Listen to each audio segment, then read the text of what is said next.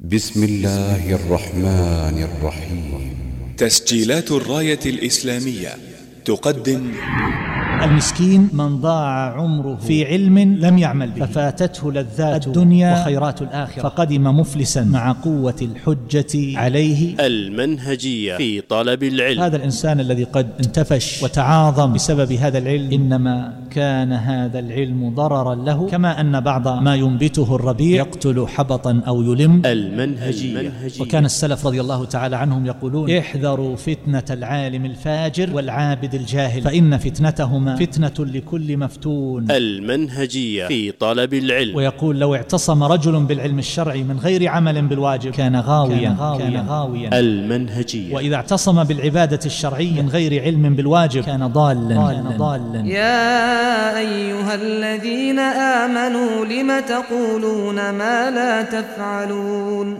كبر مقتا عند الله أن تقولوا ما لا تفعلون. يا يونس لا تكابر العلم فإن العلم أودية. فأيها أخذت فيه؟ قطع بك قبل أن تبلغه. ولكن خذه مع الأيام والليالي ولا تأخذ العلم جملة فإن من رام أخذه جملة ذهب عنه جملة. المنهجية في طلب العلم. محاضرة لفضيلة الشيخ الدكتور خالد ابن عثمان السبت. بسم الله الرحمن الرحيم الحمد لله رب العالمين الرحمن الرحيم مالك يوم الدين اياك نعبد واياك نستعين اهدنا الصراط المستقيم صراط الذين انعمت عليهم غير المغضوب عليهم ولا الضالين امين وصلى الله وسلم على المبعوث رحمة للعالمين وعلى آله وصحبه أجمعين. أما بعد أيها الأحبة فحديثنا في هذه الليلة عن وصف الطريق إلى العلم الشرعي الذي به يعرف المعبود جل جلاله وبه تعرف الطريق الموصلة إليه وبه تعرف الدار التي يصير, التي يصير إليها الإنسان. وهذا الحديث أيها الأحبة سينتظم عشر قضايا. أسأل الله تبارك وتعالى أن ييسر عرضها. وأن ينفعنا وإياكم بما نسمع وأن يجعله حجة لنا لا حجة علينا. أما الأولى فهي لماذا نتعلم؟ والثانية في شروط التحصيل. والثالثة في الطريقة الصحيحة في التعلم والتعليم. والرابعة بين التخصص والموسوعية.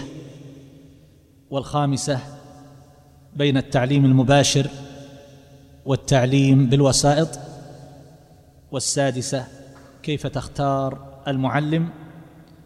والسابعة كيف نثبت العلم؟ وأما الثامنة أيها المعلم لا تبتئس. والتاسعة أيها المتعلم لا تيأس. والعاشرة في ذكر طريقة مقترحة في سلم التعلم. وقد حاولت أن أختصر ما اجتمع إلي من مادة كنت أجمعها وأكتبها منذ سنين طويلة. قد تصل إلى ثلاثة عقود. فحاولت أن أختصرها مرارا. من أجل أن أتمكن من عرضها في هذا المجلس. فإن تيسر ذلك فالحمد لله. وإن لم يتيسر فيمكن أن أعرض باقيها في مجلس آخر. أما اولا فلماذا نتعلم؟ ما هو المقصود من العلم. فالإنسان أيها الأحبة حينما يقدم على عمل من الأعمال لا بد له من هدف محدد. لأنه لا يمكن أن يتعاطى الأشياء عبثا من غير أمر يسعى لتحصيله. فأقول نحن نتعلم العلم لأن الله عز وجل يحبه ويرضاه فهو عبادة جليلة من أجل العبادات. يرفع الله عز وجل أصحابها في أعلى الدرجات ويثيبهم الثواب الذي وصفه النبي صلى الله عليه وسلم ولا أرى حاجة للتطويل في ذكر الأحاديث الواردة في هذا الباب لأنها معروفة. لكن ينبغي أن يكون لنا فيه نية. ولهذا كان بعض العلماء يقول من أراد أن يأكل الخبز بالعلم فلتبكي عليه البواكي. فالعلم لا يطلب من أجل الوظائف ولا من أجل تحصيل الأموال والدراهم وإنما هو أشرف وأجل من ذلك كله. فيراعي الإنسان قصده ونيته وإرادته فيريد وجه الله تبارك وتعالى دون التفات إلى ما سواه.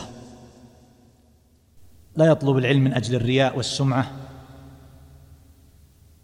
ولا من أجل عرض من الدنيا. يقول أبو الحسن القطان رحمه الله أصبت ببصري وأظن أني عوقبت بكثرة كلامي أيام الرحلة. الذهبي رحمه الله يعلق على هذا يقول صدق والله فقد كانوا مع حسن القصد وصحة النية غالبا يخافون من الكلام وإظهار المعرفة. قد تحدثت عن هذا المعنى بشيء من التفصيل قبل أشهر في درس مستقل بعنوان شرح حديث ما ذئبان جائعان يقول علي ابن بكار البصري لأن ألقى الشيطان أحب إلي من أن ألقى حذيفة المرعشي أخاف أن أتصنع له فأسقط من عين الله تعالى. والذهبي رحمه الله بعد أن نقل كلام هشام الدستوائي حينما قال والله ما أستطيع أن أقول أني ذهبت يوما أطلب الحديث أريد به وجه الله عز وجل. يقول الذهبي رحمه الله ولا أنا. كانوا يراقبون النيات ويخافون ولا يتزيدون. ثم إن الإنسان أيضا يطلب العلم من أجل أن يعمل به. فلا يصح بحال من الأحوال أن تستوي حال طالب العلم مع حال الجاهل الذي لم يعرف معرفته ولم يدرس دراسته. فما الفائدة من العلم إذن أيها الأحبة؟ النبي صلى الله عليه وسلم حينما قال من يرد الله به خيرا يفقهه في الدين. فهذا العلم أو هذا الفقه أو هذا الخير الذي عناه النبي صلى الله عليه وسلم هو الفقه المستلزم للعمل كما يقول الحافظ ابن القيم رحمه الله. وأما إن أريد به مجرد العلم وحده فلا يدل على أن من فقه في الدين فقد أريد به خيرا. مجرد معرفة وثقافة واطلاع لا يعقبه العمل فلا ينكف الإنسان عما حرم الله جل جلاله. ولا تنهض عزيمته وهمته من أجل العمل. بمرضاة الله تبارك وتعالى. فما فائدة العلم؟ فهو وسيلة من الوسائل. ليس مقصودا لنفسه وإنما هو وسيلة يتوصل بها إلى العمل. فالشاطبي رحمه الله يقرر أن كل ما ورد في فضل العلم فإنما هو ثابت للعلم من جهة ما هو مكلف بالعمل به. فهو ليس بمجرد صورته هو النافع بل معناه. وإنما ينال معناه من تعلمه للعمل. فكلما دله على فضل اجتهد في نيله كما يقول الحافظ كما يقول ابن الجوزي رحم الله الجميع. وكلما نهاه عن نقص بالغ في مباعدته فحينئذ يكشف له العلم سره. وإنما المسكين كل المسكين من ضاع عمره في علم لم يعمل به ففاتته لذات الدنيا وخيرات الآخرة. فقدم مفلسا مع قوة الحجة عليه كما في صيد الخاطر. ينحبس فلا يخرج ولا يتنزه ولا يجتمع بالناس ويبدأ من أول نهاره ثم بعد ذلك يكابد الليل في التحصيل والطلب. ولكن ليس له فيه نية ولا يعقب ذلك العمل. فهذا شقاء في الدنيا يعقبه شقاء. نسأل الله العافية. وقد ذكر ابن القيم رحمه الله من علامات الشقاوة في أمثال هؤلاء أعاذنا الله وإياكم جميعا من هذه الأحوال. أنه كلما زيد في علمه زيد في كبره وتيهه. وكلما زيد في علمه زيد في فخره واحتقاره للناس وحسن ظنه بنفسه. وعارف كل شيء. ولا يحتاج أن ينصحه أحد ولا أن يوجهه أحد ولا أن يذكر له أحد ملاحظة أو تصحيحا. أو تقويما أو أن يستدرك عليه خطأ وقع فيه فيغضب أشد الغضب. فهذا الإنسان الذي قد انتفش وتعاظم بسبب هذا العلم إنما كان هذا العلم ضررا له كما أن بعض ما ينبته الربيع يقتل حبطا أو يلم كما قال المعصوم عليه الصلاة والسلام. فهذا أيها الأحبة ليس بالأمر الهين والإنسان لربما يستمرئ ذلك ويتساهل ويتهاون ويفرط كما نسمع ونشاهد. فإذا أصر على ترك ما أمر به من السنة كما يقول شيخ الإسلام ابن تيمية رحمه الله فقد يعاقب بسلب بسلب فعل الواجبات. في البداية يفرط في السنن وهذه سنة ويتفلسف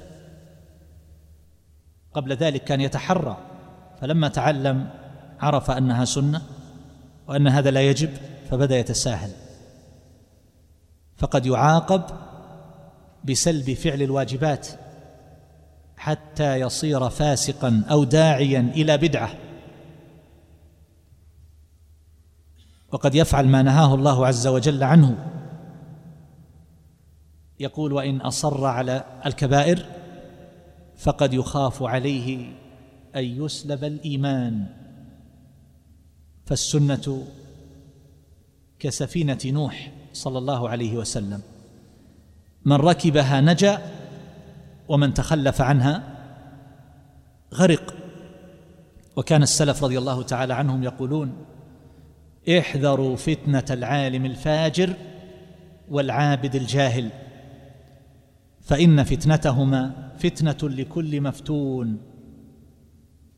فشيخ الإسلام ابن تيمية رحمه الله يقرر هذا المعنى وأن طالب العلم إن لم يقترن بطلبه فعل ما يجب عليه وترك ما يحرم عليه من الاعتصام بالكتاب والسنة وإلا وقع في الضلال. ويقول لو اعتصم رجل بالعلم الشرعي من غير عمل بالواجب كان غاويا. وإذا اعتصم بالعبادة الشرعية من غير علم بالواجب كان ضالا. وقد تخرج من هؤلاء كثير في أوقات فشو القلم. ولما وقعت الفتنة وأبرز دعاة الفتنة والنفاق قرونهم في هذه السنيات وجد من يملي عليهم من هؤلاء الزائغين ويلقنهم بعض القضايا والمسائل التي لا يعرفونها ولم يسمعوا عنها. ليتوصلوا بذلك إلى الطعن في الدين وتضييع شرائع الإسلام وإبطال محكماته بنقولات نادرة أو بتتبع بعض المشتبهات من الأحاديث أو الآيات فتلقنها وتلقاها اولئك عنهم وصاروا يكتبون في الصحف وينشرون ذلك في وسائل إعلامية ابتغاء الفتنة وابتغاء تأويله عن حقائقه التي أرادها الله تبارك وتعالى. وقد كان يقال ما أحسن الإيمان ويزينه العلم وما أحسن العلم ويزينه العمل وما أحسن العلم ويزينه الرفق وما أضيف شيء إلى شيء مثل حلم إلى علم.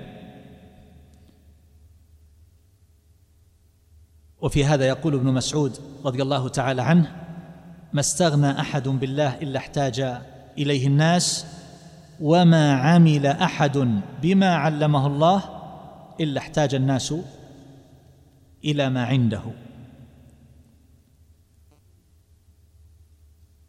يقول سفيان ابن عيينة من عمل بما يعلم كفي ما لم يعلم. وابن مسعود رضي الله عنه يقول كان الرجل منا إذا تعلم عشر آيات لم يجاوزهن حتى يعرف معانيهن والعمل بهن. وكما يقول الحسن كان الرجل يطلب العلم فلا يلبث أن يرى ذلك في تخشعه وهديه ولسانه ويده وتعرفون ما جاء عن علي رضي الله عنه وسفيان الثوري يهتف العلم بالعمل فإن أجابه وإلا ارتحل. ولما سئل الثوري رحمه الله طلب العلم أحب إليك أو العمل؟ فقال إنما يراد العلم للعمل فلا تدع طلب العلم للعمل ولا تدع العمل لطلب العلم. وذكر الزهري المتوفى سنة أربع وعشرين بعد المئة من غوائل العلم أن يترك العمل به حتى يذهب. ومن غوائله النسيان ومن غوائله الكذب فيه. وكانوا يستعينون كما يقول الشعبي رحم الله الجميع يستعينون على حفظ الحديث بالعمل به. وكانوا يستعينون على طلبه بالصوم من أجل أن لا يشتغلوا بإعداد الطعام وأكله والتشاغل به. ويوصي أبو قلابة تلميذه أيوب السختياني رحم الله الجميع إذا أحدث الله لك علما فأحدث له عبادة. ولا يكن همك أن تحدث به. وفي هذا يقول عمرو بن قيس أعني الملائي إذا بلغك شيء من الخير فاعمل به ولو مرة تكن من أهله. ولعلنا جميعا نعرف خبر ذلك الرجل الذي بات عند الإمام أحمد رحمه الله ليلة وهو ممن يطلب الحديث. فجاء الإمام أحمد رحمه الله ووضع الماء عنده. فلما أصبح نظر الإمام أحمد رحمه الله إلى الماء فإذا هو كما كان يعني أنه لم يقم من الليل فيتوضأ ويصلي. فقال سبحان الله رجل يطلب العلم لا يكون له ورد من الليل؟ لأن الإمام أحمد رحمه الله كان يعمل بما علم حتى في الأمور الدقيقة. وكان يقول ما كتبت حديثا عن النبي صلى الله عليه وسلم إلا وقد عملت به حتى مر بي الحديث أن النبي صلى الله عليه وسلم احتجم وأعطى الحجام دينارا فاحتجمت وأعطيت الحجام دينارا. فكانوا يوصون بالعمل ويرون أنه من أسباب حفظ العلم كما سيأتي. ولهذا يقول وكيع بن الجراح رحمه الله إذا أردت أن تحفظ الحديث فاعمل به. وجاء يروى عن علي رضي الله عنه وعن الثوري العلماء إذا عملوا إذا علموا عملوا. فإذا عملوا شغلوا.